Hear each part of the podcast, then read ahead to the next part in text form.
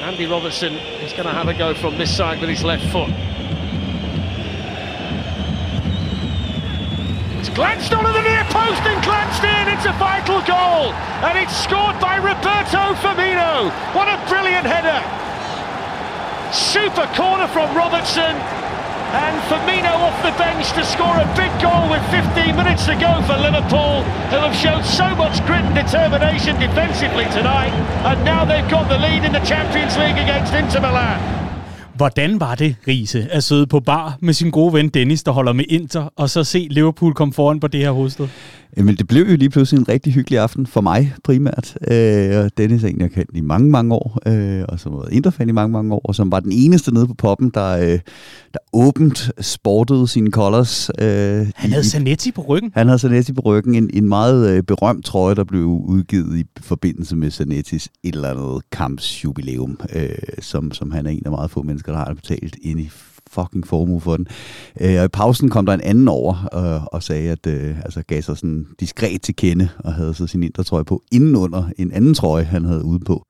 Så der var to øh, interfans, der heldigvis fik en, en lang anden halvleg øh, på, ja. på poppen. Øh, men det var en hyggelig aften, og det var fint, og der var god mod drilleri, som der skal være. Det er lige præcis sådan, det skal være, og European Nights are back. Og Clark, øh, i forbindelse med den her scoring, der vil jeg sige, øh, et er, at det, det er jo super fint, og det er godt øh, dirigeret i mål af Femino, og godt sparket af Robertson og så videre, men det er ikke rigtigt det, der har stjålet, øh, hvad kan man sige, folks opmærksomhed efterfølgende, fordi ud løber Firmino for at, at juble over scoringen til sidelinjen, og her samler spillerne sig så i sådan en form for gruppekram. Og, og lige der, der er der altså nogle Liverpool-spillere, der varmer lidt op. Kan du ikke tage os igennem situationen her i forbindelse med fejringen? Jamen det er noget med, at øh, den ene, der står og varmer op, er Joel Matip, der, øh, der, der slapper Jordan Henderson bag i, gør han ikke det? Ja, han slapper ham op i hovedet. Ja, han giver ham sådan en lille... Giver, han giver tre spillere det ligner, han, han går hen han til sådan er, et, han er en rigtig drillepind. Et sæt af bongotrummer. Duk, duk, duk. Og, og, og, har du set, øh, hvad, hvad der efterfølgende er kommet frem omkring øh, Joel Matip? Nej at øh, han i forbindelse med fejringen af mesterskabet nede i omklædningsrummet i øh, 2020, der midt i det her coronamesterskab, der efter vi har slået Chelsea den dag, hvor vi skal have pokalen, så er der jo det her berømte billede nede for omklædningen, hvor hele holdet står samlet og hopper og danser og sådan noget. Og så står Joel Matip bag ved Fabinho, og Fabinho er simpelthen i så dejligt humør i den her situation, fordi vi har lige vundet mesterskabet første gang i 30 år, alt er godt. Og så står Joel Matip som sådan en drillepind bag i og laver samme manøvre, står og banker Fabinho oven i hovedet, og han undviger sådan lidt en enkelt gang. Og så bliver han ved, og så bliver Fabinho i super dårlig humør, og vender sig om og fortæller ham, at det gør ondt. Matip står sådan lidt. Han, han er sgu lidt ligeglad. Ja, man er, er på en eller anden måde ikke rigtig overrasket. Han er sat med en karakter. Ja. Og jeg tror også, James Milner var ude på sin Instagram efterfølgende at sige, i forbindelse med den her jubelscene mod Hendersons baghoved, var ude og sige, og endnu en gang, der leverer Matip altså til meme-kontoen. Ja, præcis. præcis. vidunderligt. Du lytter til Copcaster. Det er Redman Families ugenlige podcast om Liverpool, hvor vi tager de bagkloge briller på, og så ser vi nærmere på de kampe, der er spillet. Og i studiet, der har jeg Clark James og Andreas Brøns Riese. Mit navn er Dan Siglaug. Podcasten her, den er vi rigtig, rigtig glade for og stolte af, og vi er også rigtig glade og stolte over den opmærksomhed, den også får, når vi kommer rundt i det danske land, men altså også på de sociale medier, hvor vi jo efterhånden må erkende, at det, det er der al form for socialt samvær finder sted. Men der er jo også en ting, og det er, at vi øh, i den forgangne uge satte øh, gang i, i salget af de her Copcast-kopper, der har samlet noget støv. Jeg, jeg har set et billede af en af dem, der åbenbart har samlet så meget støv, at, at det var måske lige til den grælde side. Der vil vi gerne beklage. Jeg har sendt en beklagelse. Der er en øl på vores, øh, vores regning, og en, en tur lige med, med, med den fine opvaskebørste burde øh, klare jobbet. Det kan være, fordi de er opmagasineret i Evertons trofæskab. Nobody knows. men vi, vi er altså der, hvor vi øh, kan sige, at der har været rygende interesse, og vi har blot et par enkelte stykker tilbage. Jeg har dog bedt Jesper nede i Redman Family Shoppen om at lægge en til side, fordi i dag der trækker vi en heldig vinder af en Copcast Cup. Som tak for alle de mange bidrag, vi får i Bella Birdie, så må I deles om den. Alle 48, eller hvor mange navne vi efterhånden har med i puljen der. Vi er endnu en gang altså øh, dybt taknemmelige for øh, al opmærksomheden og øh, de positive ord, der kommer i vores retning. Tusind tak for dem. Hvis du nu har en fellow Liverpool-fan omkring dig, som endnu ikke har hørt Copcast, jamen spred ordet, det vil vi blive så glade for, og så lover vi ellers at give jer alt, hvad den overhovedet kan trække af Liverpool-analyser og meget mere. Vi har to kampe, vi skal tale om i indeværende uge, og så har vi Bella og Birdie. Velkommen til denne uges Copcast.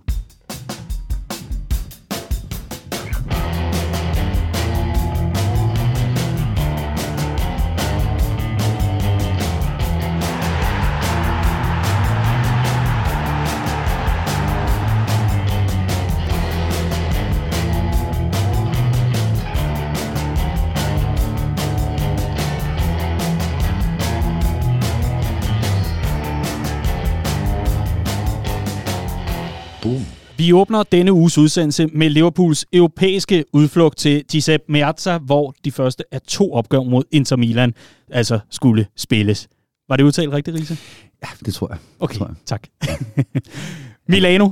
Ja, det, og det hedder, altså det var mig, der gjorde Daniel opmærksom på det i en Copcast, at ofte i interkredse, så kalder man det Stadio Giuseppe Meazza, som er det sådan, officielle navn på stadionet, og, og det er en legendarisk øh, spiller fra Milano, der spillede både for Inter og for Milan.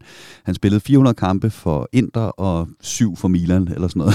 så, så, det er så de nærmest lidt, ikke det værd, var? Ja, så de er lidt gladere for ham i, i Inter, og derfor så gør man ofte i Inter-kredsen mere ud af, at det hedder Giuseppe Marta end i Milan-kredsen, men San Siro er efterhånden godkendt af, af okay. begge øh, fangrupper. Okay, og den er jo sådan ligesom gået videre, skal du bare vide. Så jeg og rettet Clark hver gang, han ja, har sagt San Siro. Ja. Det hedder det altså det ikke. Det hedder det altså ikke. Men Liverpool spillede altså en Champions League-kamp på det her stadion et sted i Italien, og det gjorde de i den forgangne uge. Og Riese, nu hvor du øh, i forvejen jo havde øh, kyndig hjælp fra øh, din øh, Inter-fan ved siden af dig, så lad høre, fordi jeg er lidt nysgerrig omkring nogle af de taktiske aspekter ved det her opgør. Fordi hvad var Liverpools gameplan, som du så den? Jamen, jeg tror først og fremmest, Liverpools øh, gameplan var et forsøg på en gentagelse af den kamp, vi spiller mod Atalanta nede i Bergamo i, i sin tid. Så dem, der kan huske den, hvor vi øh, river dem fuldstændig øh, midt over. Og det gør vi egentlig på at øh, sørge for at komme til at spille 3 mod 3 mod deres øh, bagkæder. Det synes jeg var meget tydeligt, man kunne se, øh, at det var samme gameplan her, at vi brugte vores tre forreste i et pres, der ikke gik direkte på de tre centrale forsvarsspillere, men mere øh, var at afskære mulighederne for at spille den ind til midtbanen, øh, stille og roligt rykke presset højere og højere op, og så enten bryde bolden højt, eller få dem til at lave den her lange bold, som vi så kunne få, og så dermed have vores tre forreste øh, stationeret så højt op på banen, at vi kunne ramme dem rimelig hurtigt 3 mod 3 den, øh, den anden vej. Og så blev det sådan lidt en, øh, en, en mærkelig kamp, synes jeg, forstået på den måde, at på en øh, og samme tid, så sad jeg og så et, en, en kamp mellem to hold, der gerne ville presse højt, der gerne ville spille den ud bagfra, der gerne ville gøre banen bred, øh, men som også lavede utrolig mange fejl i opspillet, øh, og som ikke formåede at straffe hinanden på de fejl, og så gik mere og mere over til at, at, at tage en, en mindre risikobetonet øh, måde at spille fodbold på. Og det vil sige, at man sad jo på den ene side og tænkte, hold kæft, det er en fed kamp det her, og på den anden side sad man også og tænkte ved pausen, der har været nul afslutninger inden for rammen for, øh, for, for begge hold, og det virkede, øh, det virkede nervøst, ikke? Du sidder og nikker samtykkende, Clark, til, øh, til Rises ord om, at det var en lidt underlig første halvleg. Og det er vel også noget, der gælder for Liverpool? Ja, jeg synes ikke, at øh, vi formåede at binde særlig meget sammen øh, i, i pasningerne, og som Riese også er inde på, så gik meget af gameplanen nemlig på at spille langt øh, i flere situationer. Det lykkedes egentlig meget godt i starten. Thiago har blandt andet den her direkte bold op på, på Salah, øh, og jeg synes flere gange har vi sådan nogle lige ved næsten situationer.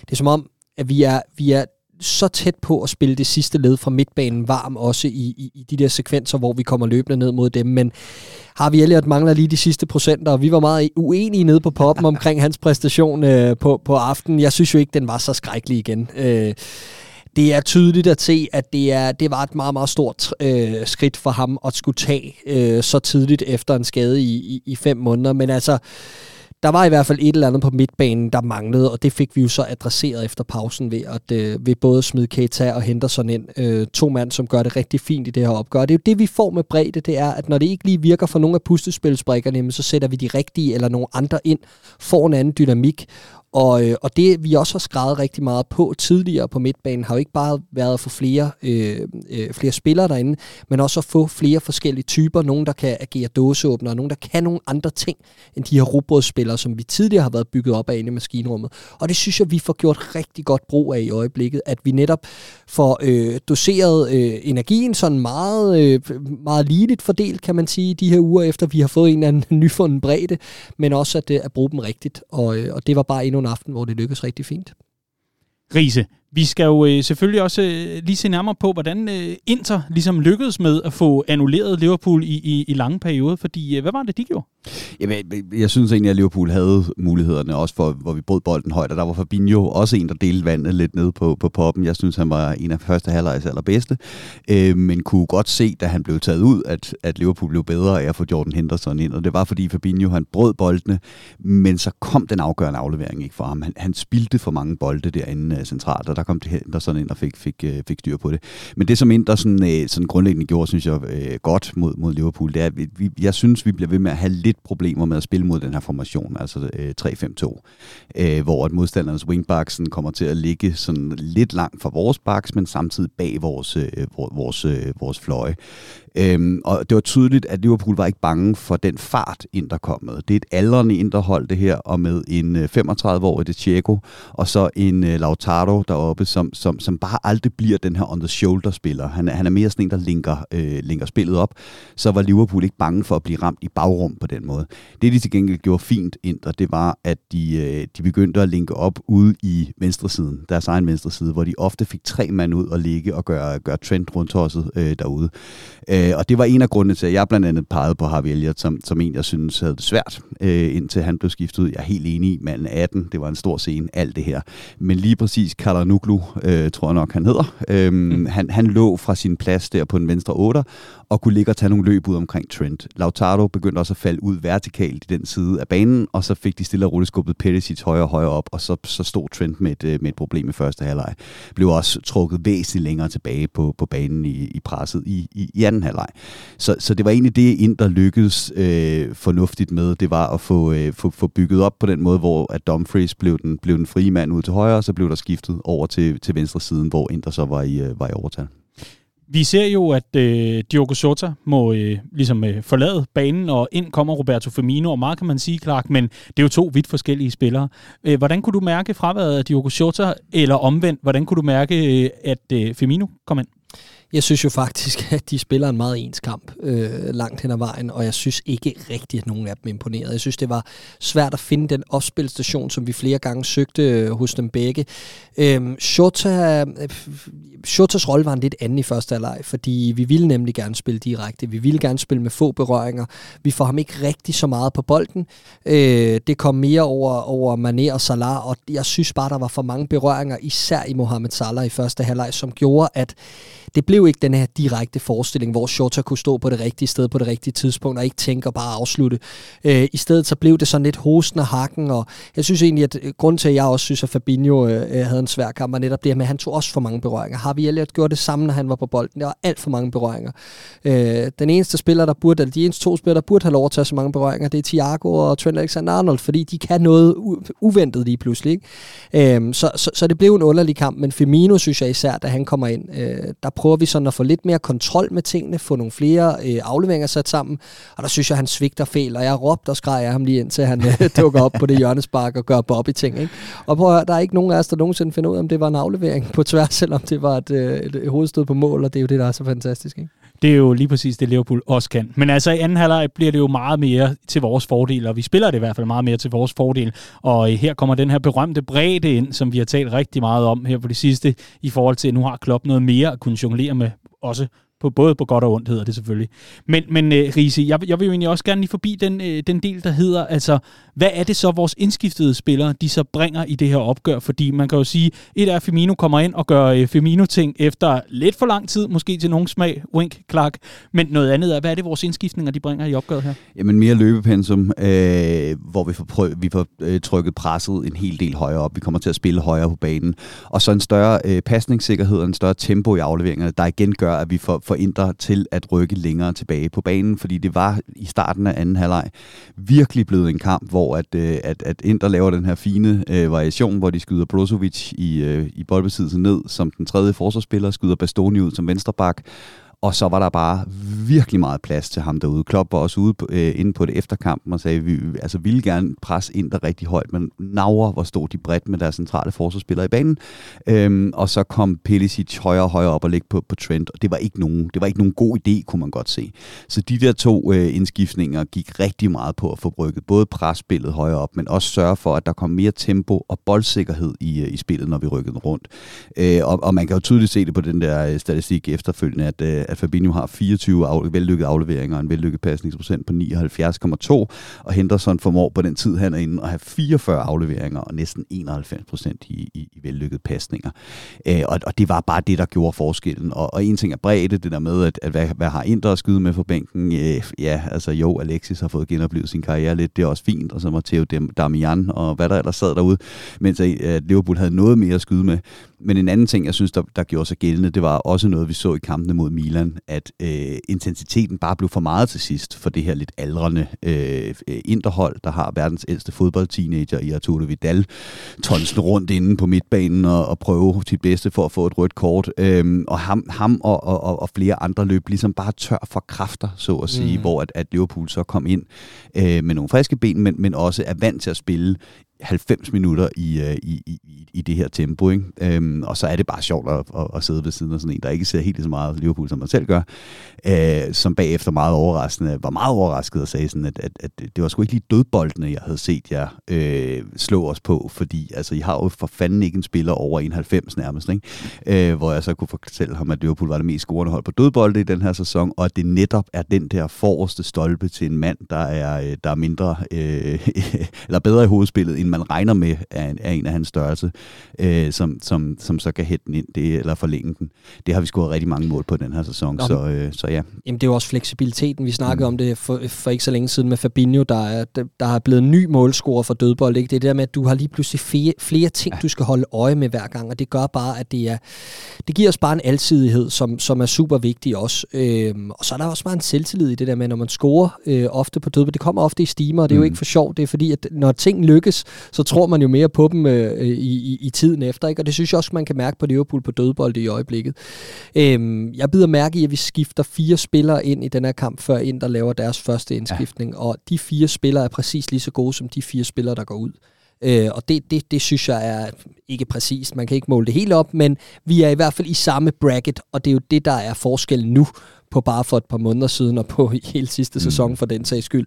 Så det er en ny situation, og det er, det er bare super fedt, og så er jeg helt enig i det her med intensiteten, som jeg synes bare, man kan mærke, at Premier League har et niveau på de andre ligaer i øjeblikket. Man kan godt mærke, at det er der, der bliver investeret nogle seriøse summer på, at trupperne bare lige er 4-5 mand bredere, ja. og det kommer også bare til udtryk mere og mere år for år. Mm.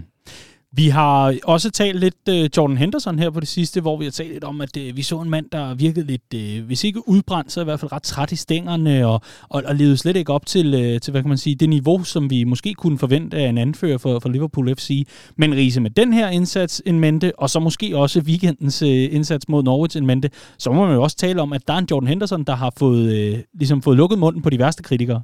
Ja, det har været rigt, en rigtig god uge for ham, ikke? Og, det, og det er jo også noget af det, vi håber på, at en bredde kan gøre det her med, at man kan hive nogle spillere ud, og så kan de sidde og blive lidt indebrændte over at være ud, og så komme ind og komme ind med en energiudladning. Og det synes jeg var det, man så for, for Henderson. Der ser vi hans lederskabskvaliteter også tredje karakter. Ikke? Han får virkelig også råbt øh, den her midtbane på plads øh, på en måde, som der ikke var nogen, der, der, der gjorde i første halvleg. Han er også, øh, det er også ham, der sætter Matip på plads, da han, da han begynder sit bongo show ude på, øh, på sidelinjen. Der kunne man godt se, at han ligesom var sådan, øh, vi er faktisk i gang med en kamp her, gider du lige tage det lidt seriøst. Ikke? Øh, så, det, så det var lederen Henderson, der kom ind, men også, også øh, Henderson, der havde nogle, øh, nogle desinger, der, der, der et eller andet sted bare var, spil den hurtigere, spil den mere første gang. Øh, sørg for, at vi, vi, vi, vi får spillet os mere ud af, af, af det her pres, hvor han mod, øh, mod Norwich øh, også skulle slå vinderboldene og gjorde det rigtig fint til, til Luis Dias. Det er længe siden, at jeg har kigget på, øh, på alle indskifter og tænkt, de har gjort det godt under Jürgen Klopp. Men, øh, men her var altså bare en dag, hvor det var sådan. Fordi Firmino, ja, han spiller ikke godt, men han afgør sig kampen, så han rører med op i samme øh, kategori. ikke Fordi Luis Dias kommer ind, sætter et aftryk. Du kan tydeligt se, at han er direkte, han er pågående, han er farlig, øh, han har kvalitet. Jordan Henderson taler for sig selv, har haft en glimrende uge, som Riese også er inde på. Og så Nabi Keita, som jeg synes bliver ved at få en skovl i hovedet, hver gang han er på banen, fordi vi har nogle urealistiske forventninger til, hvad han skal være.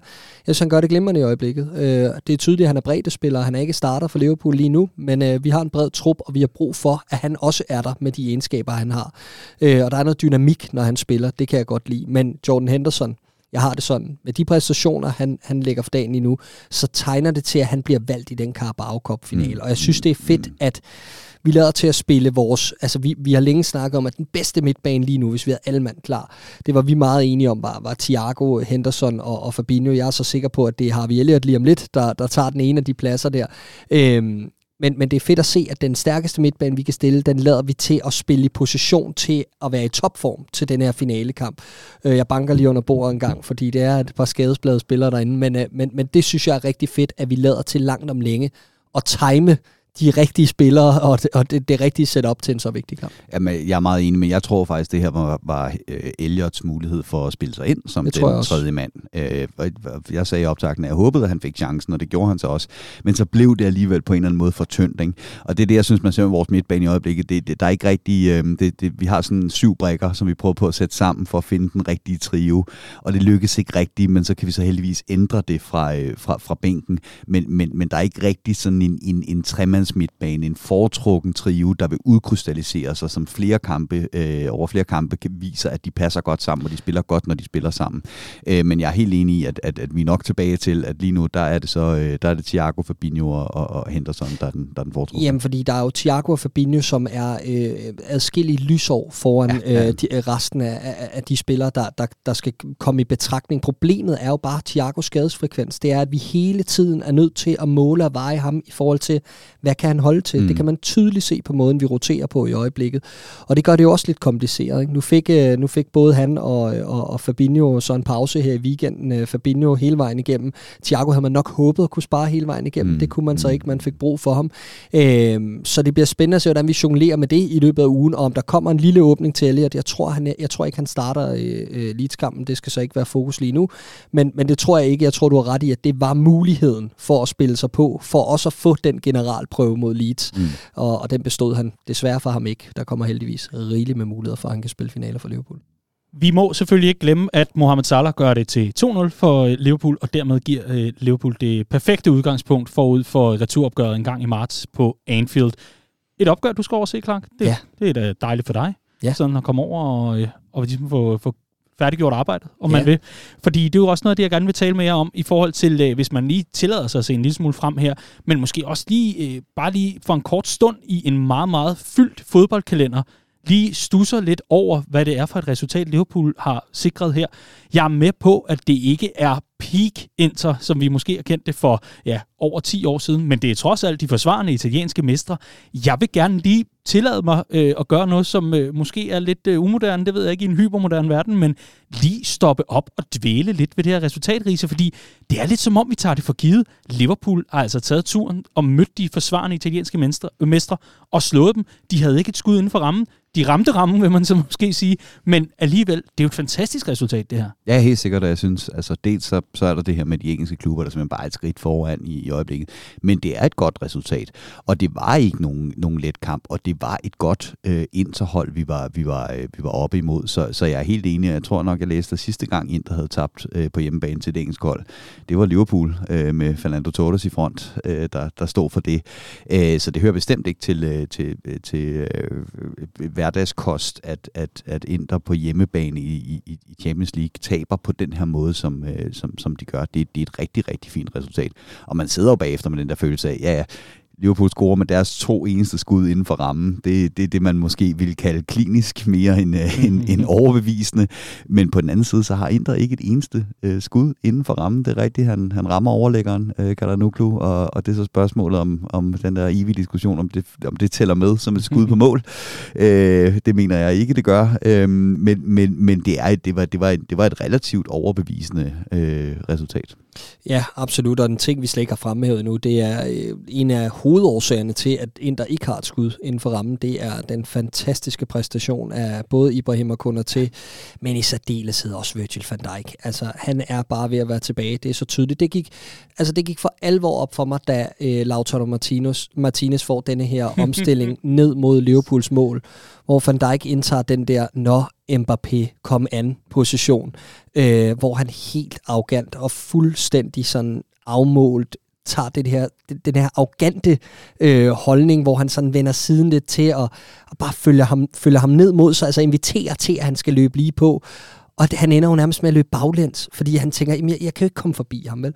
Så han har den der aura igen, den er ved at, den er ved at blive genfundet for alvor. Det er, det er så lovende, og jeg synes bare kun at til stepper ind i øjeblikket øh, og, og, og gør sit arbejde. Det er, det er sjældent, at vi ser ham øh, være helt off. Øh, jeg synes, han har haft nogle situationer i nogle kampe, hvor øh, at man godt kunne se, at indgrebene måske var lidt øh, sådan forseret, eller lidt for aggressive, og lidt ude af takt med resten af holdet, men det synes jeg bliver færre og færre gange, og fuldstændig som, som trænerstaben og scouting-afdelingen havde forventet, jamen så stille og roligt, så vil den faste struktur, de spiller, han har omkring sig, lære ham op, og, øh, og, og så kan han blive, blive sådan indfaset så småt her hen over foråret, og jeg tror, han, han begynder at nærme sig en, øh, en startplads øh, i, øh, eller ved siden af Virgil van Dijk fast. Helt enig, og det var der, den kamp blev vundet. Det var nede i, i, i forsvaret med, med de to bananer. Øh, og jeg synes også, man ser her måske lidt af, hvad planen er med at få den type som kunder til, som marker til, øh, til Van Dijk. Netop der med, at vi hele første halvleg ser Trent være op og være midtbanespiller i presset. Og så gør vi det sådan lidt mere til en trebakkæde dernede med, med Robertson, Konaté og Van Dijk. Og det kræver altså, at den højre midterforsvar kan dække et større område øh, inden bag ved, ved, ved Trent, som vi jo ofte har snakket om, måske ikke har sin allerstørste forser, når spillet går i, i, i ryggen på ham. Så det tror jeg, vi kommer til at se, øh, se mere i den måde at, at, at dække op på med en, en, en meget offensiv bakke presset og en mere afvendende bakke presset, og så kun til, der skal dække et større område. Helt kort, og her til sidst i øh, vores øh, lille gennemgang af, af det her opgør. Hvordan står øh, forvøren lige nu i forhold til Liverpool øh, avancement? Vi har den her klassiske til 100, man kan lave 99-1, man kan lave 50-60. Ja, 95-5. 95-5? Øh, ja, jamen jeg, det, det er ja, 90-10. Så det er bare en, øh, hvad kan man sige, en tilbagelænet omgang på Anfield for dig næste gang? Nej, det tror jeg ikke, det bliver. Mm. det bliver vigtigt at få det første mål og, og, og lige sætte, uh, sæt, sæt sømmet i, og uh, det, det bliver meget vigtigt, altså netop fordi hvis Inter kommer hurtigt foran, så, så begynder man at kunne mærke nervøsiteten. Uh, der er jo heller ikke det her med udebanemål længere, så det er jo ikke en så stor fordel, som det havde været i, i sidste sæson for eksempel. Uh, men det er klart, at, at med det udgangspunkt og den bredde, vi netop har, øh, så skal vi simpelthen have, hvad der, øh, hvad der er nødvendigt for at, øh, for at slå ind derhjemme på Anfield foran 2-0. Henderson. Simikas. Mane! A wonderful goal from Sadio Mane! You always had the feeling it was coming for Liverpool because it nearly always does come. Så lykkedes det endelig for ham, var Clark. Ja, det var skønt. At lave den assist med hovedet. Kostas ja, til Mikas. Vidunderligt. Ja. Nej, det er sikkert mål. Ja, ja, sikkert mål. Og, øh, ja, sikkert kamp af flere af de her øh, bredde spillere, som, øh, som vi bare formår at holde tilfredse og, og skarpe i øjeblikket. Øh, det synes jeg var, var, var super fedt at se. Øh, jeg bider især mærke i, at, øh, at øh, en, en Sadio Mane der øh, han, han er kommet sådan lidt specielt tilbage, også blevet kastet lidt for løverne ret hurtigt, ikke? Øh, og, og det er som om, han er lidt nødt til at spille hver gang nu, for nu render vi ind i nogle skader op foran, og jeg tror egentlig gerne, Klopp ville have givet ham en pause, men jeg synes, hans agerighed i den her kamp var, var, var fed, og hans agerighed omkring at score på Saxe i øjeblikket er også bare fed, fordi han bliver bare ved at prøve, indtil det lykkes, ikke? I øjeblikket har han ikke prøvet at score det mål der i syv år. Nå, jeg, jeg så godt, øh, der var sådan en compilation på, på Twitter, hvor at, de havde fanget alle Sadio Mané's øh, fuldstændig redselsfulde og øh, glimrende saksesparks forsøg for Liverpool i tidens løb, og øh, nogen mere heldige end andre, ikke? Men, øh, men den her, den gik endelig ind. Med skinnebenet. Ja, ja. det hele tæller. Men vi går jo alle sammen og drømmer om en dag at gøre Emma Chan kunsten efter, and here we are. Jeg, jeg vil allerede nu lige, lige sige en lille birdie til øh, Liverpools øh, YouTube-team, eller highlight-team. Øh, Mohamed Salahs 150. Øh, Liverpool-mål er en every angle, og så videre, så videre. Der er de simpelthen kredse for det. Sadio Mane er ikke. Altså, come on, nu lykkes han endelig med det. Nå, lille birdie derfra. Vi er selvfølgelig i gang med at... Øh, at øh, fortalt om øh, Liverpools øh, Jamen altså hjemmebanesejr over oprykkerne fra Norwich. Det de fleste vil mene var en ganske overkommelig opgave, og dog, det var i hvert fald øh, noget af det, vi, vi måske var et par stykker, der blev lidt nervøse for lørdag, da Liverpool altså øh, tog imod kanariefuglene. Og det plejer jo ellers at være noget, vi, øh, altså, vi synes er en decideret lækker biskengrise, og det er jo også din gamle klub, eller din gamle klub i overvejelserne, ja, som øh, faste lytter vil vide, så er det altså Liverpool eller Norwich, og vi ved, at du har været ærgerlig over dit valg mange år efter, ikke? Og så, ja. Efter jeg er blevet sådan salgsmand i hipster, der kunne det være lidt federe. Ja, det kunne det, ikke. være sådan en del af sådan en masse. Ej, sådan en lækker weekend ja. til Carrow Road. Præcis. Og... Ja. Ej, det havde fandme også været godt. Nå, gutter. Vi, øh, vi skal selvfølgelig lige øh, tale lidt om, øh, hvordan Liverpool fik en øh, gedin forskrækkelse, inden vi altså øh, valgte at sætte bilen i, i femte gear, og, og så vise, at vi er Liverpool, og øh, i øvrigt øh, komme an Manchester City, men det kan vi tale lidt senere. Fordi... Øh, Hvorfor skulle der egentlig gå så lang tid, før at vi fik øh, rettet op på sagerne? Jamen, jeg tror, det er en kombination af ting. Øh, blandt andet, at vi laver syv ændringer, øh, som gør, at det bliver bare lidt ikke så flydende, og lidt hosende og lidt hakkende, og, og så videre. Øh, og jeg synes jo egentlig, at nu, nu vi snakker Costa til Mika, så har han fremragende assist, så burde han jo have bragt Liverpool foran efter ja. fire minutter. Altså, det er en gigantisk afbrænder, den han, han laver der. Øh, og, og, og, og afslutningerne var egentlig jævnt fordelt ud over den her kamp. Ikke? Nu har jeg, jeg har ikke tjekket XG-udviklingen, men den hedder øh, 14 afslutninger i første halvleg, 4 på kassen, 15 i anden halvleg, 4 på kassen. Så det var ikke fordi anden halvleg var en markant opgradering på øh, afslutninger, antal afslutninger, øh, Liverpool øh, kom til. Så, så det var en, en, en lidt en kombination af, at, at vi var uskarpe af helvedes til, og ikke fik sat det øh, første mål ind øh, tidligt. Øh, og, og, og så en, en, en hel del ændringer, der gjorde, at vi havde svært ved at finde den, den, den rytme, der for alvor skulle til for at bryde det her øh, i øvrigt ganske udmærket defensivt spillende Norwich-hold ned.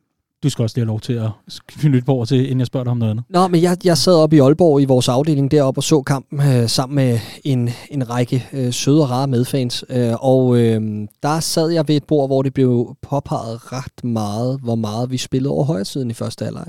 Og det er jo egentlig lidt fjollet, når vi har øh, Joe Gomez på, øh, på højre bak, at, at, vi, øh, at vi prøver at finde vej igennem over i den side. Øh, og de få gange, vi forsøgte os i venstre side, der, øh, der blev vi farlige. Øh, og det synes jeg også siger lidt om, at, at Timikas har nået et niveau, hvor at, at han er god til at skabe plads for sine medspillere. Han er også en trussel på sin indlæg. Han, han har noget alsidighed på den måde. Jeg synes, vi balancerer det bedre i anden halvleg, og det er, det er en af opskrifterne til, hvorfor det lykkes efter pausen, og hvorfor det ikke gjorde i første halvleg. Okay du sad lige og rynkede brynene. Nå, nej, nej, men jeg, jeg er for så vidt enig, men det er en Klopp Classic, det her med at trække spillet over i den ene side mm. med en masse spillere. Altså, Ox lå og faldt ud til højre, og Gomez lå i en dyb position til højre, og Salah lå meget bredt til højre. Og så får du trukket et helt hold derover, og så kommer skiftet over til Timikas. Og det er jo både det, vi skal score på efter fire minutter, og det er også ham, der lægger assisten øh, fuldstændig blank på værste stolpe til, til, til Manis øh, 1-0-mål. Ikke? Mm. Så, så, så det var jo, det var jo, det, der var jo en strategi øh, i forhold til at bygge op i højre, og trække en masse spillere hen der, mm. og så lave sideskiftet. Men netop øh, Gomes på højre bak, apropos Copcast klassikere, øh, der er også et par øh, lykkelige medfans, der nu altså sidder med en kaffekop, hvor det sågar er trygt på, fordi det jo simpelthen var en fast bestanddel af optakterne til øh, de forskellige kampe, at øh, der var et par bud på, at øh, Gomes var på højre bak. Lad høre, Clark, hvordan slapper han så fra den opgave? Nu har vi været lidt omkring øh, balancen i forhold til opbyggende spil og offensiven osv., men øh, er det øh, Trent Alexander-Arnolds nye øh, reserve ude på den position? Ja, det tror jeg, det er, og det synes jeg egentlig også er okay til, til nogle kampe. Øhm, han er ikke Trent Alexander-Arnold, og det sagde han også selv efter kampen, at, øh, at, øh, han er helt unik og en playmaker på det her hold, og hans opgave er at gøre det på sin egen måde, og det synes jeg egentlig, han slap fint fra. Jeg synes ikke, at det var, det var nogen skidt præstation for Joe Gomez. Øh, han giver os nogle andre muligheder for at spille på en anden måde, netop ved, at som Riese siger, hvad Konaté er god til i, øh, i centerback-området, så er Joe Gomez også god til at dække større områder på banen, fordi han har en utrolig høj topfart. Øh, men øh, det er klart, at øh, når du skifter seks mand ud over ham, og øh, beder ham om at øh, forsøge at vikariere for Trent Alexander-Arnold, så bliver det, så bliver det selvfølgelig noget mere øh, kantet og, og hakket i, i Liverpools kombinationsspil, og det synes jeg også, det bare præg i første halvleg. Men det skal han egentlig ikke øh, have skyld for. Jeg synes, han løste sine opgaver fint, og øh, jeg vil have det fint nok med, hvis han skulle, øh, hvis han skulle træde ind på, hvad der mere ligner et Liverpool første hold en anden gang og, øh, og, og dække ind for Trent Alexander-Arnold. Det er i hvert fald en væsentlig bedre mulighed, end at spille med James Milner derude. På poppen, hvor jeg så den, der øh, blev der talt lidt om øh, både det ene og det andet, og øh, der var også et par spørgsmål vedrørende, om det måske lige var en rotation for meget, øh, i hvert fald i forhold til opstillingen, Riese, at man både havde Joe Gomez og så altså Alex Oxlade-Chamberlain som værende partner til ham derude. Altså Alex Oxlade-Chamberlain, der i sin fremskudte midtbanerolle ligesom lå ude til højre og skulle så linke op med Mo Salah og lave den her berømte gyldne triangel, ja. øh, discount-udgaven måske, men, men øh, alligevel, Riese, øh, fordi Alex Oxlade-Chamberlains indsats er vi jo også nødt til at komme forbi, for det er jo også lidt fortællingen om det her opgør, hvor man kan sige, at ja, det, det er måske lidt heldigt, at øh, Norwich skud bliver rettet af på Matip, og den ligesom går i kassen, men mange vil også mene, at det, det er det manglende presspil, og i hvert fald nogle defensive indsatser, der ikke sidder lige i skabet, som er med til at give Norwich muligheden her, og også helt generelt i første halvleg. Ja, han spillede ikke nogen god kamp, det kan man også se på tidspunktet, han bliver skiftet ud på. Det er, det er meget klassisk klop i øjeblikket, at tage nogle tidlige udskiftninger af de spillere, han synes har præsteret dårligt simpelthen. Og der var øh, Ox jo en af dem. Øh, jeg synes, at øh, det giver fin mening, det her med, når vi så roterer så meget, som vi gør, og vi har været inde på det her med, at vi har forskellige typer på de forskellige pladser, at vi netop ikke beder afløseren om at gå ind og prøve at være en til en, øh, den han så erstatter. Og det var meget tydeligt, at Joe Gomez, han skulle bare være restforsvar. Altså han stod i første halvleg, der gjorde han det til en trebakkæde, øh, og i anden halvleg, der løb han ind på den centrale midtbane, øh, da vi pillede centrale midtbanespillere ud, og simpelthen bare var restforsvar. Så måtte det være op til Mohamed Salah, der spillede bredere og, og, og, og, øh, og afgøre tingene. Og der synes jeg, at Oxes rolle i den her, den her kamp var meget tydelig. Altså det var simpelthen bare at komme op og, og øh, aktivere øh, Brendan Williams på, øh, på øh, venstrebakken, så Salah fik noget plads.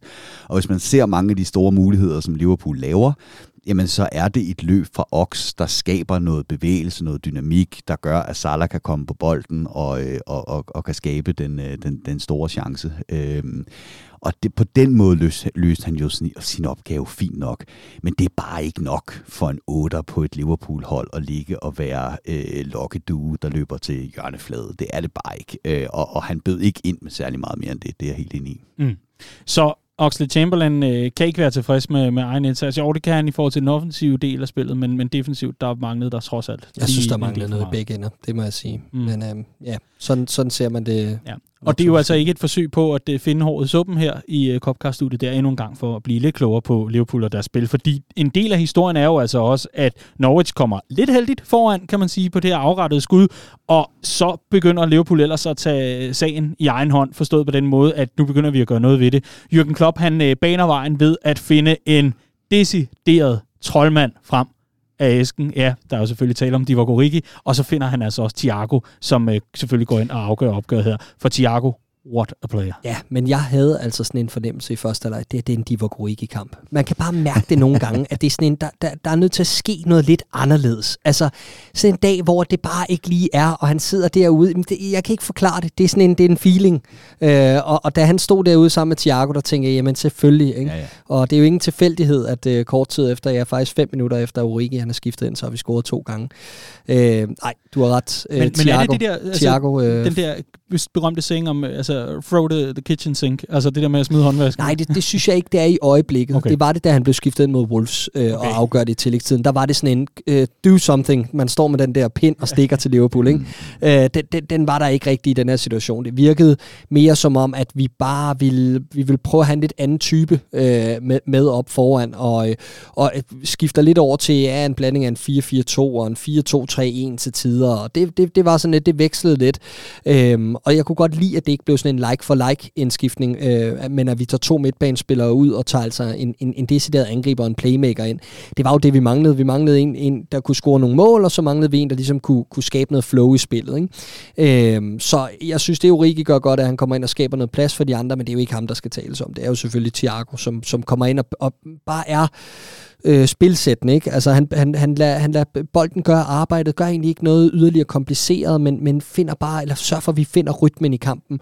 Går ind og arbejder godt sammen med Jordan Henderson, og, øh, og hvad sidder du der? Og det er bare, han laver et no-look 50 meter sideskift, men øh, bortset fra det er ikke særlig kompliceret. Nej, det, ja, det er nok. Det, han havde lige den der, den var flot. Øh, men gør det i det hele taget fremragende, ikke? Øh, og, og den aflevering, han også har, hvor han, hvor han splitter forsvaret med sådan en, en 40 meter pasning ned øh, bag forsvar til Mohamed Salah. Han er jo en fantastisk pasningsspiller, men i mange af de ting, han gør, får han det til at se så simpelt ud. Ikke? Og Liverpool begynder bare at glide derfra, og, og det, det, var en, det var en formsag, da først vi kom på 1-1. Altså, der går to minutter mm. for den her dobbelte indskiftning, og så er Liverpool ellers tilbage øh, on track, kan man sige, med en 1-1 udligning. Det er dybt imponerende. Vi må dog også lige sige, altså den der udligning, øh, det er godt, at Timikas han søger ind centralt med sit, øh, sit hovedstød, sådan så at øh, Sadio Mane kan få lov til at, øh, at gøre det, han har ventet på i syv år. men men øh, inden da, der skal vi selvfølgelig også lige tale om, at det er jo Jordan Henderson, der slår den bold til, til Mikas, og Jordan Henderson er også øh, arkitekten bag målet til 3-1 for Liverpool. Der er altså alligevel nogle afgørende sekvenser her for, for vores gode anfører. Ja, ja, som sagt, at, at i kampen mod øh, Inter var det mere noget med at komme ind og, og gøre det solide i et okay tempo. I den her kamp, der var det faktisk også ham, der skulle slå nogle af vinderne, og det gjorde han rigtig fint, og, og bedst illustreret ved det her øh, 3-1-mål, vi laver, hvor der er, er det 34 pasninger i, i streg. Øh, det er det, det, det højeste antal siden Opta begyndte at opgøre det i 2006 for et, øh, for et Liverpool-mål. Øh, altså højeste antal pasninger i en, en scoring. Og det er jo sådan en, når man sidder og kigger på den, så, så går den, den går tilbage til Allison, og så går den til siden, og så går den ned igen, og så videre. Og så kommer den ind til Henderson, og det kunne lige så godt være sket efter fem pasninger. Men det er ligesom Henderson, der sætter bolden på spil og får den perfekt lagt op i skøjten på, øh, på, på, på Luis Diaz. En virkelig, virkelig god kamp for, øh, for Jordan Henderson. Ikke? Oh, men og det, det var bare, altså jeg synes den der sekvens med de 34 pasninger, nu har jeg siddet og set den efter Liverpool udgav den på, på Twitter tidligere i dag det er jo ikke sådan en, det er jo ikke en Manchester City-sekvens. Altså, det er, en, det er, en, det er en European Nights Tømmermans Edition Manchester yes. City-sekvens. Ja, ja, ja, og de, er, de er ved at miste bolden. Ja, ja. Eller, vi er ved at give friløber væk. Præcis, ja. præcis. Ja, ja, det, den er tilbage til Allison fire gange og sådan noget. Ikke? Det var serie 2-udgaven uden at fornærme nogen. Nej, nej, nej, det, det, er jo, det er jo super flot det, det var bare sådan en sekvens, der ikke var noget halvdelen af de pasninger i første halvleg, fordi så var der en, der havde smidt nu af sidelinjen, eller præcis. vi havde lavet et dumt boldtab. Ikke? Og det er bare ikke en tilfældighed, lige meget om det, om det så ser en lille smule tilfældigt ud. Øh, vi får bare noget flow, vi får noget rytme, og så er der bare et eller andet, der er ved at vende tilbage fra den mesterskabssæson, som er, at når Liverpool er bagud, så er du ikke rigtig rigtig bange længere. Altså, du har den der følelse af, at det skal nok gå, og vi skal nok komme tilbage. Så da vi udligner i den her kamp, der er der jo ikke rigtig nogen, der er i tvivl om, at vi vinder og heller ikke med 3-1. Nej, fordi vi ved jo, at øh, et er, at vi, vi har Jordan Henderson til at sætte Mikas op, og øh, så ved vi jo også, at vi har Alison Becker, der jo også gerne leverer en assist jo i ny og næ. Ja, ja, og jeg synes, det, det fascinerende ved den her uge, det er, at vi øh, mod Inter scorer for femte kamp i streg øh, af første mål på en, på en dødbold. Øh, I den her kamp, der scorer vi på et, en assist fra Allison, altså over 70 meter op i skøjten på Mo Salah, og så på at have 34 afleveringer af streg, og så kan vi så diskutere, hvor, hvor imponerende nogle af dem mm. var, men det er, hvad det er. Øh, I den her kamp, der scorer alle mand i, i fronttrioen. Hold kæft, hvor scorer Liverpool mange forskellige mål i yes. øjeblikket, og det er altså bare en fornøjelse at være, være vidne til, også fordi, at, at jeg, jeg tror ikke, jeg fornærmer nogen, altså, og man kan godt lyde lidt forvent, når man siger det, men jeg synes stadigvæk ikke, at Liverpool spiller på topniveau endnu. Altså, jeg synes Nej. fandme, der er langt Nej, til topniveauet nu. Så at man bliver ved med at vinde, og så kan finde så mange måder at score sine mål på, selv når spillet ikke flyder. Det er uhyggeligt. Det er uhyggeligt. Det er det. Det er det virkelig. Altså, jeg sidder med fuldstændig samme følelse. Jeg synes, Liverpool øh, gør det tilstrækkeligt i øjeblikket, jonglerer godt med de kræfter, man har, men det, der gør det helt sindssygt spændende er, at vi kan blive så meget bedre. Du sidder og tænker, hvad, hvad når har vi Elliot lige rammer den der kamp og, og, og den der rytme? Hvad når Thiago og Fabinho begynder at, at spille sammen med en Henderson, der er i form ind i det maskinrum? Hvad når du putter Trent Alexander-Arnold og Andy Robertson bag den fronttrio, vi spillede i weekenden? Altså, der er så mange facetter, så mange instrumenter i den her Liverpool-trup, som gør det sindssygt spændende at kigge ind i, hvad, hvad, hvad holdet kan opnå det her forår. Nu snublede City også i, i toppen af Premier League. Det gør kun denne her trup mere sulten, for at vi kan opnå succes på flere fronter. Jeg synes, det er super interessant. Og ja, lige en kommentar til Luis Dias. Øh, for det første jo, Mohamed Salahs 150. mål. Fantastisk situation. Han overrasker jo ingen længere med sin individuelle kvalitet. Med afstand den bedste spiller i Premier League lige nu og i den her sæson. Men Luis Diaz, var det fedt at se den composure i den situation. Øh, han har haft nogle stolpe ud momenter meget, meget tidligt i sin Liverpool-karriere, øh, og det var der en mange, der kunne være blevet slået ud af øh, øh, så tidligt. Øh, også fordi, at han må kunne mærke presset fra, at han skal jo levere for at spille sig ind i den her fronttrio. Øh, han ved godt, at han har købt dyrt ind, øh, men, men han har bare en agerighed, der er så fed. Altså, han fighter videre, han elsker bare at spille fodbold. Bliver ved, bliver ved, bliver ved, og, og tager det helt rigtige løb i, i forbindelse med den scoring her. Jordan Henderson en fremragende aflevering, ja, godt taget med første gang, mm. og en sublim afslutning ned foran The Cup. Helt fantastisk. Dejlig, dejlig afslutning på en, ja, en eftermiddag, hvor vi skiftede mange mand, men du spurgte før sådan lidt retorisk, men skiftede vi måske en mand for meget, men det gjorde vi jo ikke. Altså, og, og, og, det er jo det, der er fedt. Det, er, det, var, vi, det var nu til start, eller hvordan skulle det siges? Selvfølgelig, men, men, men, men det gjorde vi ikke, fordi det, vi går en, en vigtig tid i møde nu, hvor vi skal bruge så mange friske folk som overhovedet muligt. Så den der balance i at, at skifte lige den mand for meget, men stadig få resultatet, er, er yderst gylden. Mm. Jeg vil egentlig også lige øh, knytte et bord til øh, Mohamed Salah, fordi du siger næsten, at øh, vi forventer, ja, det skal æde bank med lov for, at vi ja. er. Og øh, altså, det er jo helt fantastisk. Efter forrige uge, hvor vi sad og talte lidt om, ah, lidt stolpe ud for ham, og det, det er sgu lidt ærgerligt, og han er ikke kommet tilbage øh, fra AFCON på den måde, han gerne vil, så går han ind i den her uge og afgørende i ja, to omgange. Altså, og øh, igen kan man jo bare tale om, altså Liverpool har jo bare en mand på det her hold, som selvom at niveauet er så højt, så overstråler han bare så mange af sine kollegaer i den her trup, fordi han er så god. Oplæg, hvad kan man sige, oplægget til dig, Riese, på den front, det er jo lidt, altså, Mohamed Salah har jo for længst skrevet sig ind i, i Liverpools historiebøger. Det er helt klart. Skal vi ikke bare give ham det, han kræver, så vi kan få ham for evigt? Kom nu. Amen. Jeg sad virkelig på, på. Da han scorer på det oplæg for Alisson Baker, der tænkte jeg bare, ja, men så giv ham dog det, han vil have. Ja, jeg tror, min, min holdning til det er nogenlunde klar. Den har ikke ændret sig. Han kan få halvdelen fordi, i tokens. Fordi jeg er ikke overrasket over det, vi ser fra Mohamed Salah lige nu. Og vi snakkede jo øh, efter det her AFCON øh, om, at det, det absolut bedste, der kunne ske, det er, at Mohamed Salah kommer indebrændt tilbage, og man ikke kommer glad tilbage. Og jeg synes faktisk, det er det, vi har set. Altså, jeg synes, han ser Enig. vanvittigt sulten ud. Øh, Mo Salah, jeg synes, at Mané har været god, altså herefter han er kommet tilbage til, til, fra, fra, fra AFCON. Så, så det er jo ikke fordi, der for, for den sags skyld har ændret sig en skid i mit forhold til Mohamed Salah, ved at han har scoret to mål yderligere i den her uge, fordi jeg er ikke overrasket. Så, så min analyse har ikke ændret sig i forhold til Mohamed Salah, at jo, som udgangspunkt, så er det svært ikke at sige, få du for helvede bare den mm. øh, kontrakt underskrevet, men jeg har desværre også øh, en, en, en mere øh, højere, øh, hvad hedder sådan noget? Moral? Øh, nej, sådan en, øh, en, en hjernehalvdel, der er en lille smule mere, øh, mindre følelsesladet, som, som godt kan se, at der er nogle økonomiske ting i det her, som også ja. man er nødt til at tage højde for. Så har man sådan en Disney-hjerne herover, fordi man bare siger, giv ham, hvad man vil have. Ja, ja. Den er noteret, Riese. Øh, jeg kunne heller ikke lade være med lige at stusse lidt over, der var en af jer, der sagde, var det dig, Clark, der nævnte det her med mesterskabssæsonen, og noget, der gik igen. Og det, det må man jo sige, at Alisson Becker oplæg ja. til Mohamed Salah, det jo også gør. Ja. Altså skriver sig jo ind i historien her. Ja, absolut. Det er tredje sæson i streg ja, med mål eller assist for Alisson Becker. Lige nøjagtigt. Lige nøjagtigt. Fandme fedt. det er helt igennem suverænt. Vi skal fordi, venner, vi, vi kan jo selvfølgelig øh, zoome endnu mere ind på, på nogle forskellige ting, og I skal nok få lov til at komme med de afsluttende kommentarer i forhold til det her opgør. Men vi skal jo selvfølgelig også lige tage den her sejr med i forhold til, hvad der så skete senere den dag, hvor Tottenham kom på besøg hos øh, Manchester City øh, på Etihad. Og det var så altså det rigtige Etihad, og ikke det her virtuelle Etihad, som de er ved at bygge, skal det lige understreges. Men øh, Harry Kane er jo lige pludselig Liverpools allerbedste ven.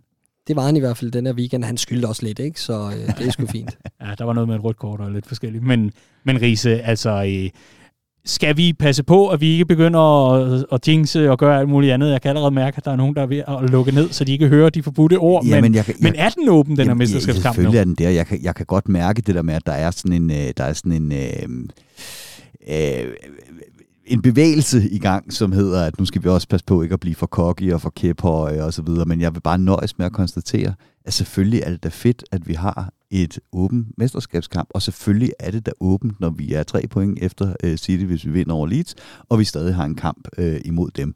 Og så hele den her diskussion om, om man kan afgøre det selv, det kan man sige, at det, det kan alle før første spillerunde, øh, men øh, det er sjovere at kunne afgøre det selv, når der er lidt færre spillerunder tilbage, end, end der er nu, men, men det er sgu da fedt at stå med øh, et, et mesterskabsræs, øh, der er åben på nuværende tidspunkt, hvilket det bare ikke lignede, at det ville være for, for, for to måneder siden. Embrace it, nyd det. Øh, det, det, det er sgu da sådan noget, der gør det virkelig fedt at se fodbold. Altså. Og dybt overraskende. Ja, altså præcis. når man kigger på, hvor vi var øh, nytårsaften for eksempel, inden at vi skulle til at sende øh, de her drenge afsted til AFCON, og med den bredde, der var i Citys trup, det momentum, der var i Citys resultater og måde ja, ja. at spille på alt det her, der var mange, der forudså, at de stikker af med minimum 10 point yderligere. Altså, og, og, og lige pludselig så har vi bare grindet os vej mm. tilbage, og det skal man altså ikke undervurdere, det der, at, at vi i, i den strideste modgang i sæsonen fik de resultater, der var påkrævet og mere til, har hængt på, og nu mm. står med de upper hand i forhold til, nu er det vores tur til at have momentum. Nu har vi vundet otte kampe i streg i alle turneringer. Nu er det os, der bygger op. Vi er ikke engang på top endnu, som vi sidder ah, og snakker om, hverken spillemæssigt eller i forhold til, til holdets potentiale. Det er jo det, der gør det interessant nu, for, for, for eller set med Liverpool-briller. Lad os lige øh, få denne her uh, sæson til lands, landskampspause, uh, og så venter City på den anden side af den, så, så bliver det lidt sjovere at gøre status på den titelkamp, men jeg er helt enig. Altså så fedt, at det nu er over i en, i en kategori, hvor vi også har noget med det at gøre. Mm. Og det eneste, der ikke er fedt ved det, er, at jeg orker ikke endnu en sæson, sæson hvor Liverpool scorer 90 point og ikke bliver mestre. Det... kommer heller ikke til at ske. Nej, okay. Glimrende. Jeg kan allerede mærke, at Matip han er ved at varme op til at banke nogen i baghovedet inde i omklædningsrummet. Det, øh, det, det vil da være fedt. Der tror jeg, alle lige kan, kan, kan acceptere, at han, øh, han bongo videre på den del. Men øh, de sidste kommentar. Du sidder og fifler lidt med noter derovre, Riese. Har du, øh, har du andet, du skal have sagt i forhold til Norwich-kampen her? Øh, nej, ikke andet end, at, at jeg synes, det var endnu en af de her kampe, og det har vi været, været lidt inde på, hvor Liverpool absolut ikke øh, spiller sig ud, men hvor jeg, jeg, jeg var ikke ved at gå i panik, da det der mål går, i, øh, går imod os. Altså, jeg synes at vi er, vi er professionelle, og, og set over 90 minutter øh, det bedste hold i øjeblikket. Øh, næsten ikke løbet med. Ja, enig. Super. Jamen, øh, Clark, så ved du godt, hvad det er tid til. Ja. Her kommer mågerne.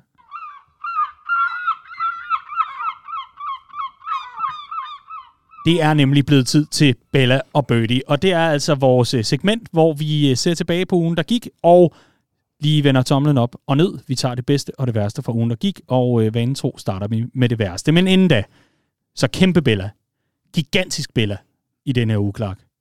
Og det er, at vi i aften på Redman Families Facebook-side sætter gang i en konkurrence, som jeg tror, de fleste, der holder af Liverpool på den ene eller anden måde, de godt kunne tænke sig at vinde.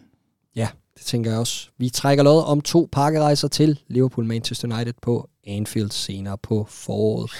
Og det er jo en del af øh, en ny fordel, vi giver til medlemmer herfra, nemlig at vi trækker lod hver måned om enten billetter eller pakkerejser til Anfield eller specifikke Liverpool-kampe. Vi gjorde det også til Carabao Cup-finalen på søndag, hvor vi udtrækker en heldig vinder. Øh, Mads, så vidt jeg Mads husker, fra, Dolberg, fra yes. Herning, øh, og hans øh, 11-årige søn øh, har han valgt at tage med. Så øh, jeg har bedt dem sende et billede. Det synes jeg kunne være lidt hyggeligt mm. at øh, se de to på øh, Anfield South. Men øh, ja, vi trækker lov om to billetter til, øh, eller to pakkerejser til Liverpool United på Anfield senere på foråret blandt øh, et, eller det er et heldigt medlem, der vinder, og må så tage en ledsager med. Ja. Og det er altså en ny øh, medlemsfordel, altså til alle medlemmer af Redman Family. Så det er lige vigtigt at notere sig, at man skal holde øje med den her Facebook-side. Det kommer til at ligge som sådan en fastgjort opslag ind på vores øh, Facebook-side. Og der kommer man selvfølgelig ind og søger Redman Family. Gå ind, like, del subscribe, jeg lige vil sige, like, gå ind og, øh, og deltage i, øh, i konkurrencen her. Og Clark, så tror jeg måske lige sådan for, øh, for ordens, øh, ordens skyld, lige, lige høre øh, billet, pakkerejse. Hvis man nu ikke er så, så vant mm. til, til det her med at rejse og komme afsted til, til, til Liverpool og se de her fodboldkamp, hvad pokker er forskellen? Jamen, øh, den, øh, eller det vi trak om her til Carabao Cup-finalen, var simpelthen øh, to øh, billetter til kampen. Så det var egentlig bare entré til Wembley Stadium, øh, hvor øh, Carlsberg havde leveret billetterne, og øh, til Manchester United-kampen her, hvor det er en pakkerejse, der vil det sige, det er øh, med overnatning, altså det er med hotel oven i øh, kampbilletten også. Så den inkluderer altså lige et led mere, kan man sige. Ja, så man slipper altså for øh, Stanley Park øh, man har en, øh, en plads på et hotel. Og det er jo meget rart, Præcis. kan man sige. Også selvom der er hyggeligt i Stanley Park. Men det er i hvert fald det, man kan vinde. Og dermed er der altså lagt op til, at man øh, selvfølgelig som lytter af Copcast går ind og tjekker, om medlemskabet er aktivt.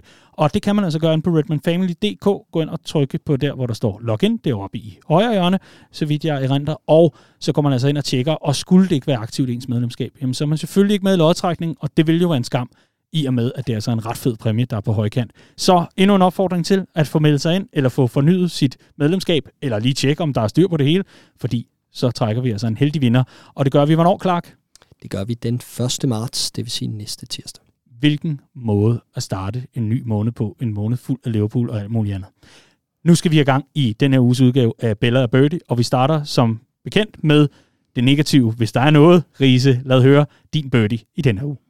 Ja, jamen, jeg synes, det er, det, det er svært. Det er en, en uge, hvor det er gået rigtig godt, både inden og uden for kridtstregerne. Øh, så jeg har faktisk en bæller, der måske ender med at blive, eller en birdie, der måske ender med at blive en bæller, og det er selvfølgelig øh, Shots af skade. Øh, nu har vi endelig, og langt om længe, en skadesfri trup, og fantastisk, og bredden har aldrig set bedre ud, og alt det her. Og så får man sgu bare lidt lange løg, når man så øh, ser Shots gå i stykker øh, kampen efter, vi har siddet og jublet øh, øh, over det. Øh, og helt som sædvanligt, så, øh, så pakker de jo de her spillere ind i, øh, i 14 lag gips og øh, stilaser, når de, øh, når de har en mindre skade, indtil de kan assesse, hvor slem skaden er. Så der kommer altid de her billeder af øh, en, en, en shota med, med, øh, med foden i protective boot, og, og man frygter det værste. Det lader til, det heldigvis øh, ikke øh, er så slemt, men, øh, men, men lidt af en forskrækkelse, øh, som, som må være den her øh, uges absolute øh, nedtur med Liverpool-brænder. Clark, din birdie. Ja, men jeg er så kedeligt enig, fordi øh, jeg, jeg udvider den så til, den også hedder skaden til Roberto Firmino, øh, og, og netop det her med, at vi bliver ramt på samme position, øh, er ah, det er bare typisk, ikke? Øh, og, og det giver os lidt et, et, et nyt problem at forholde os til. Heldigvis har vi en masse øh, løsningsforslag øh, lige i øjeblikket. Men jeg synes også, det var tydeligt at se af en Norwich-kamp, at vi mangler den her rendyrkede striker op foran, når ingen af de to spiller.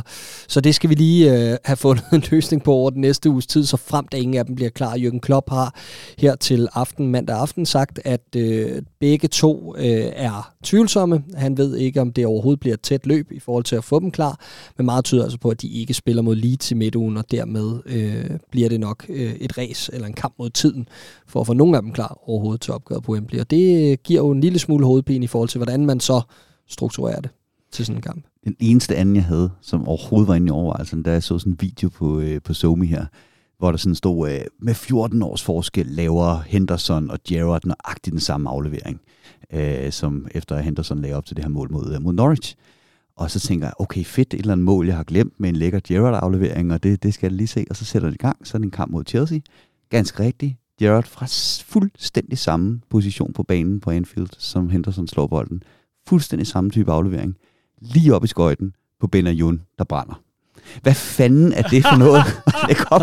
Altså, det er også, det er også en meget god sådan, øh, det er sådan meget godt i forhold til at vise, hvor langt vi er kommet. Præcis.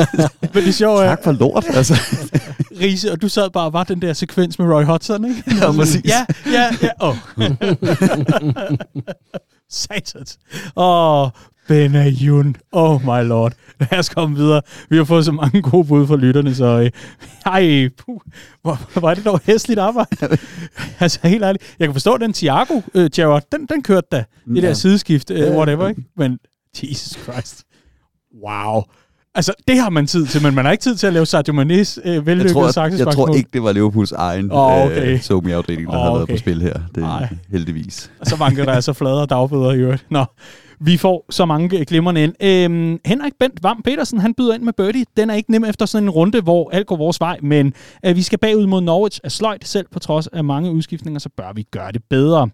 Kenneth Lindstrøm Brandholm, han byder ind med birdie, at reserverne for Trent er for dårlige. Var negativt overrasket over Gomes niveau, synes han var rigtig dårlig på bolden, hvilket er fair nok, når man ikke har spillet lang tid, men er han så også bare så svag ud defensivt. Jeg synes, vi skal have en backup til Trent, øh, for Trent til sommer. Der, der sidder I og nikker samtykkende. Øh, jamen ikke så meget i kritikken omkring, det har vi været inde på, ja, ja, jeg synes, men, med de øh, vilkår, der var, men, men i forhold til, hvor truppen skal forstærkes, så er drømmen jo at finde Kostas Timikas på højre bak. 100 procent, og jeg tror også, det her med trend på højre bak lige nu, det handler bare om at få givet om de her kampe, for jeg tror stadig, man ser en spiller, der er 24 år gammel, har været ude et år. 23. Øh, 23 år gammel, bliver 24 lige nu. Undskyld, nej, omvendt, ja, jeg misforstår dig. 24 han, bliver 25. Altså, han er homegrown. Han er, homegrown. han er 24, indtil han bliver 25, Præcis, og han er homegrown, fordi han, øh, han kom til Liverpool øh, mellem han var 17 og han var 18, så må man selv bestemme sig for, hvor gammel man synes, han var der, øh, fra, fra Charlton. Øh, så, så jeg tror egentlig stadigvæk, man, man ser en plads til ham i den her truppe i det centrale forsvar, hvor at, at, at gennemsnitsalderen er ved at være lidt høj på, øh, på Matip og, og Van Dijk, så jeg tror, man vil gøre, hvad man kan for at give ham de kampe, han nu kan få, for at holde på ham, og så er det så lige tilfældigvis på højre bak, der var, der var plads den her gang, men jeg tror ikke, man ser ham som en, en langsigtet øh, backup til Trent på højre bak. Mm. Vi har en sidste birdie, og der er vi altså over på vores Twitter. Det her det var for vores Facebook-side, men vi skal over på Twitter, fordi der er rigtig mange, både på Twitter og Facebook, der byder ind med birdie. Absolut intet. Mm. Intet er der at komme efter. Så har vi øh, en medfan med navnet Sport derinde, øh, handlet Rittersport 10. Mm-hmm der byder ind med birdie, den kan kun gå til Clark, der næsten jinxede os i Spurs og City-kampen. Det var fandme tæt på. Og så har han simpelthen været lynbørge til at tage et screenshot af et tweet fra Clark James kl. 20.02 den 19. februar, hvor du skriver i tweetet til title race, og så lige med opened. Jeg kan love dig for, at jeg sad i et tog på vej hjem fra Aalborg, og jeg har aldrig været hurtigere til at slette tweet, end da jeg så, at den der blev kaldt tilbage af var. historien er, at Harry Kane scorer til 3-1 yes. med et kvarter igen, og så tænker jeg, nu kan jeg sgu godt smide ja, ja, ja. den. Men øh, det var lige tidligt nok, og alligevel ikke. Don't tweet and train, eller hvordan nu, nej, det er lige meget. Glimrende. Ej, hvor er det vildt. Han har altså været ninja. Ja, det er ninja, det der, fordi jeg, jeg garanterer, at den var ikke op i halvandet minut. Selvom han hedder Rittersport, så er han altså øh, ganske hurtig på fingrene der. Glimmerne. Det er i hvert fald vores øh, birdies. Lad os komme i gang med en øh, jubelkavalkade. Og her vil jeg gerne have lov til at åbne. Ja.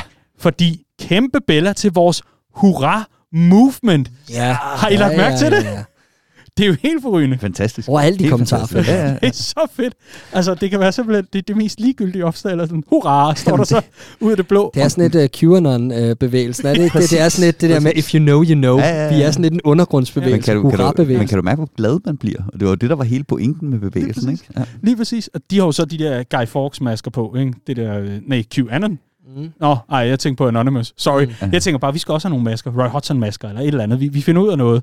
Men det skal simpelthen være en bevægelse, og det er en fornøjelse. Konteksten skal jo selvfølgelig lyde for dem, der ikke lige har fulgt med på den del. Det var i sidste uges udgave af Copcast. Der var jeg en lille smule træt af at se på øh, de evige pessimister, når det nu går så godt for Liverpool FC. Så jeg bad selvfølgelig nogen øh, fra det tavse flertal, der måske er ganske tilfredse med tingenes tilstand, om lige at byde ind med et hurra eller noget, blev, blev der vist sagt. Og øh, det tog man så meget bogstaveligt, så der er simpelthen stået hurra i kommentarsporene under, jeg ved ikke hvor mange forskellige opslag. Udsøgt fornøjelse. Uh, long may it continue. Der er plads til mange flere hurraer. Vi kan simpelthen ikke få nok. Lad, det, ah, lad det fortsætte. Og nu har vi jo fået øh, en succes på crowdsourcing i det her program, øh, da vi rent faktisk fik en besked tilbage om nogen, der kunne lave en Origi-statue til os i, øh, i plast, som kunne stå inde på poppen. Så jeg vil bare sige, hvis den her bevægelse skal have nogle masker, så vil jeg gerne høre fra folk, der kan lave en Daniel Siglau-maske. Nej. Øh, Nej. Så, så vi alle sammen kan få en. Ikke? Ja. I am Daniel Siglau. Ja, ja. Lad være med det. Please don't. Vi stopper. Det, var, det var et sjovt move, så længe det var. Nu, nu, nu kan jeg mærke, at det begynder at tage overhånd. Din anarkist. Nå. Vi har øh, fået forskellige billeder ind, og øh, inden nogen af jer tager den, så vil jeg bare skynde mig at smide den ind, fordi det er fra øh, Oliver Sale her, som skriver, Thiago er så skide Bella. Kæft en spiller. Ved næsten ikke, hvilket billede jeg skal bruge til at beskrive ham, men et eller andet med honning, iskolde fadel og fløjl, så ligger der at opleve. Og det synes jeg simpelthen var suverænt, for det er den bedste måde at beskrive Thiago på, og det kunne ingen af jer gøre bedre. Sorry gutter. Så lever, hvad I ellers har i arsenalet her. Ja, men jeg synes, der er, der er mange at vælge imellem, og, og mange af tingene har vi været forbi, men øh, jeg, jeg vælger at tage Clarks, bare for øh, at, at, at være et røvhul. Øh, så jeg tager øh, Luis Dias første mål i, øh, i, i Liverpool-trøjen. Øh, og det er faktisk måden, det, det ser ud til at ramme rigtigt, ikke? det gjorde du kraftedeme. Sådan. Så hvis du bare med fucker med din hjerne Liverpool. Det er fantastisk, det er fantastisk. uh, nej, og, det, og det er særligt måden, det, øh, det, det sker på faktisk, ikke? fordi at han kommer ind fra den her højre kant og tager øh, flødeberøringen med højre poten, og så lægger han den ind med venstre øh, poten. Og det tyder på, at vi virkelig har en, en alsidig spiller, der også kan gå ind og, og tage flere pladser i offensiven, og det gør ham bare mere og mere perfekt castet til den her, den her Liverpool-offensiv, han også kan komme ind på venstre benet fra højre åbenbart. Lækkert. Så er der bare Jan Hellesø ah, jam derovre. Hvad foregår der? Men, men der er heldigvis rigtig mange at tage i den her uge, og jeg kom, I kom prepared. øh, jeg, jeg havde egentlig overvejet Jordan Henderson, øh, og, øh, og jeg synes egentlig, han skal have den. Jeg tænkte også på Alison Becker, som jeg synes er i fremragende form her i 2022. Øh, og, og den er sidst kroner det er jo, men jeg synes, Jordan Henderson skal have den. Oven på en periode, hvor vi har været på nakken af ham og med rette. Altså, øh, præstationerne har ikke været gode, og jeg synes også, at den der desperation, der var i Jordan Henderson, begyndte at gå lidt ud over hans øh, sådan leders, øh, lederegenskaber i forhold til sådan selv at kalde, hvornår han måske ikke er klar til at spille, og hvornår det vil være bedre for Liverpool. At der var nogle andre, der var inde og spille, blandt andet til, eller i kampen mod Burnley, synes jeg, det var meget tydeligt, at han ikke var helt øh, sin skade kvidt. Øh, men jeg synes, hans reaktion på det har været rigtig, rigtig god i den her uge. Øh, to meget, meget forskellige præstationer mod, mod Inter og Norwich to meget forskellige opgaver. Han løser dem egentlig lige godt. Øh, bliver decideret kampafgørende mod Norwich, og det, øh, det, det synes jeg klædte ham. Øh, så igen tilbage til det her, øh, det større billede, som er, at han er ved at spille sig ind i varmen til den finale, hvor vi for alvor har brug for ham mod Chelsea. Og øh, det synes jeg selvfølgelig, han skal, han skal have en billede for. Vi skal en tur til, øh, til Twitter. Det var meget fint navigeret ud af, at øh, den lige blev nappet for... Øh. Jamen, den blev stjålet fra mig. Jeg synes, det er, det er gale Mathias. Altså. det er altså vanvittigt. Ej, jeg, var, jeg var lidt i tvivl, fordi at uh, Keita spillede jo en halv times god fodbold til den her uge. Så. Du skal stoppe med at være sådan en Keita-hater, Andreas. Det bliver et langt liv, når han afgør Champions League-finalen. Åh, det er så hyggeligt op til mere. Magnus, øh, undskyld ikke Magnus, Markus skriver bak. Han skriver Bella, at Liverpool kan, øh, øh, kan holde til at komme bagud og vinde skuden, og så skud ud til Klopps indskiftninger. Og det er noget, der går igen i mange Bellaer øh, i øvrigt. Så øh, det er altså, øh, som Thomas Rode også fint formulerer det, at øh, den tyske cheerleader, han altså, øh, er ganske udmærket på den front. Og jeg synes også, det var fedt at se det her med, at når Klopp er bedst, så er han så fucking dygtig til det her med at tage presset og holdet, alt det her, skyde alle succeserne, skylden for alt det, der går godt over på andre, og tage øh, ansvaret for det, der går galt på sig selv.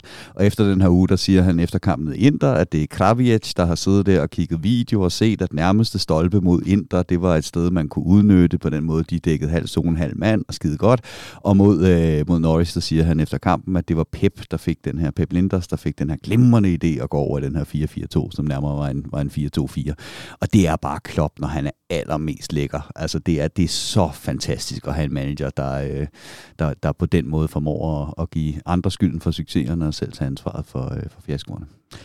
Der er også nogen, det vil sige en del, der byder ind med Bella, der siger, at det nærmest er en buket at samle af forskellige ting. Det værende Thiago, Diaz, at Shota ikke er alvorligt skadet, øh, sæsonen, weekenden osv. osv.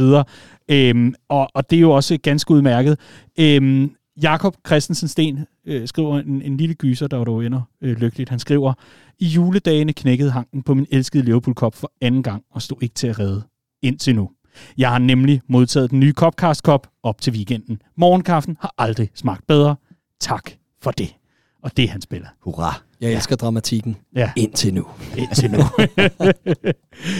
Nå, gutter. Jamen, øh, så er det jo øh, simpelthen nu, at øh, vi skal trække lod, trække en heldig vinder Uh. af en, øh, en Copcast Cup. Og øh, ja, det fungerer sådan, at jeg simpelthen har alle kommentarer samlet og øh, skåler lidt frem og tilbage. Og øh, så er det Clark. Ej, skal vi ikke lade rise? Jo. Du siger bare stop, og så trækker jeg en heldig vinder. Øh, Jeg kigger væk. Stop. Det lige igen. Og det var Gør ikke, lige. skal lige siges, det var ikke fordi, det ikke var den rigtige vinder. Nej, det var det var mig, der kom til at hoppe ind i et andet Ja, vindue. ja. Prøv I bare at overbevise folk om det. præcis. Når Daniel Siglau bliver til udtrukket som vinder lige om lidt, så ja, stop. Ja.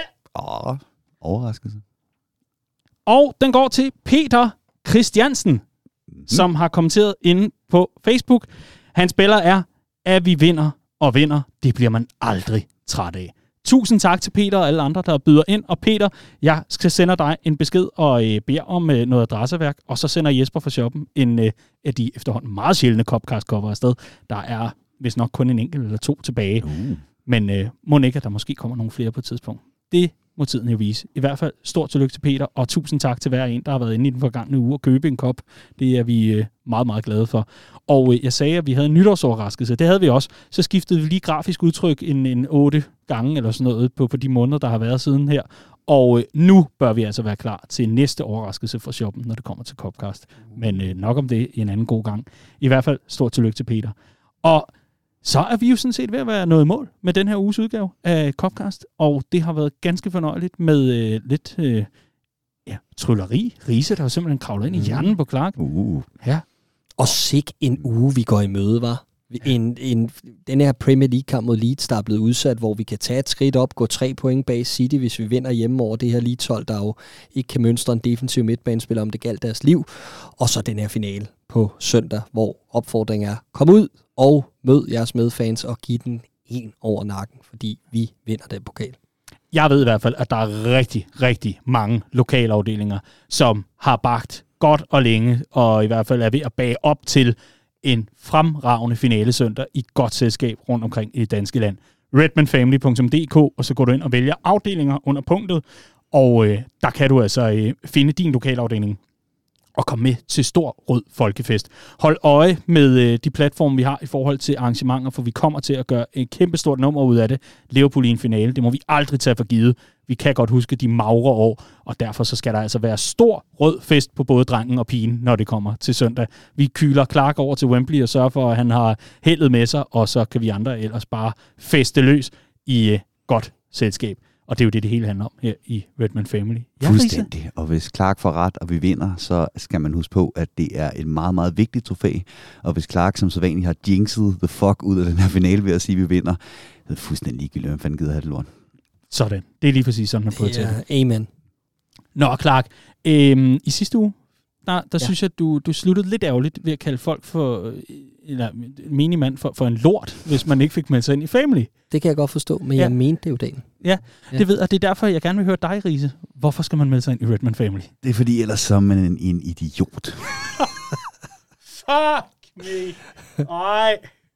Kom nu. Kom nu. Der er jo ikke nogen, der har lyst til at melde sig ind. Okay. Jo, men jo, for man har jo ikke lyst til at være en idiot eller en lort. Det er rigtigt. Men, men, men on a serious note, hvorfor skal man melde sig? Det skal man, øh, fordi at øh, det er et fuldstændig, øh, altså objektivt set, øh, sagt fra en, der ingen aktier har i det, et øh, fuldstændig genialt fællesskab at være en, være en del af, øh, hvor man øh, både får nogle fordele, når man skal ud og mødes med en masse medfans og se øh, Liverpool spille Carabao Cup-final, eller når man skal se øh, Liverpool spille mod Burnley en, en tidlig kick-off søndag. Øh, ligegyldigt hvad, øh, så er der folk på popperne, og det er fantastisk at komme ud og se, se Liverpool sammen med, med andre. Derudover, så støtter man jo også i lige præcis det, vi sidder og øh, laver nu. Ikke? Mm. Øh, en masse fedt indhold, synes vi selv, øh, om Liverpool, øh, og det kan ikke lade sig gøre, uden at, øh, at medlemmerne støtter op. Så, øh, så det er, udover at du er lorteidiot, hvis ikke du gør det, grunden til, at du skal melde dig ind. Jeg har tænkt mig, Øh, hvis ikke der er nok, der melder sig ind nu, og jeg søger, at uh, Risa er helt ret, hvis ikke der er nok, der melder sig ind nu, så begynder jeg at blive ligesom Joel Matip. Jeg bliver sådan rigtig irriterende. Sidder og banker på mikrofonen hver gang. Hvorfor ikke bare banke på folk på hovederne? Er du medlem? Ja, det gør jeg nej, også. Nej, ikke endnu. Dum. Clark, og så øh, lige med spral i stemmen, så får du selvfølgelig lige forklaret igen, hvad er det for en ny fordel, der er til alle medlemmer af Redman Family. Det er nemlig fordel, at man kan vinde billetter og ture til Anfield hver måned. Vi trækker nemlig lod i øh, slutningen eller starten af hver måned om, hvem der, hvem der skal afsted, hvem der er det heldige medlem, der har vundet. Så altså øh, hen over hele sæsonen, der trækker vi, og øh, så sender vi nogen afsted hver gang. Og øh, den første er altså ham her, Mads fra Herning, og hans 11-årige søn, som vi glæder os til at få et stemningsbillede fra, som vi nok skal dele med alle andre, så fremt at øh, han husker det. Stort tillykke til Mads og company. Stort tillykke til Peter. Det her, det var Copcast. Med mig i studiet hedder Clark James og Andreas Brøns Riese. Mit navn er Dan Sigler. Tusind tak, fordi du lyttede med.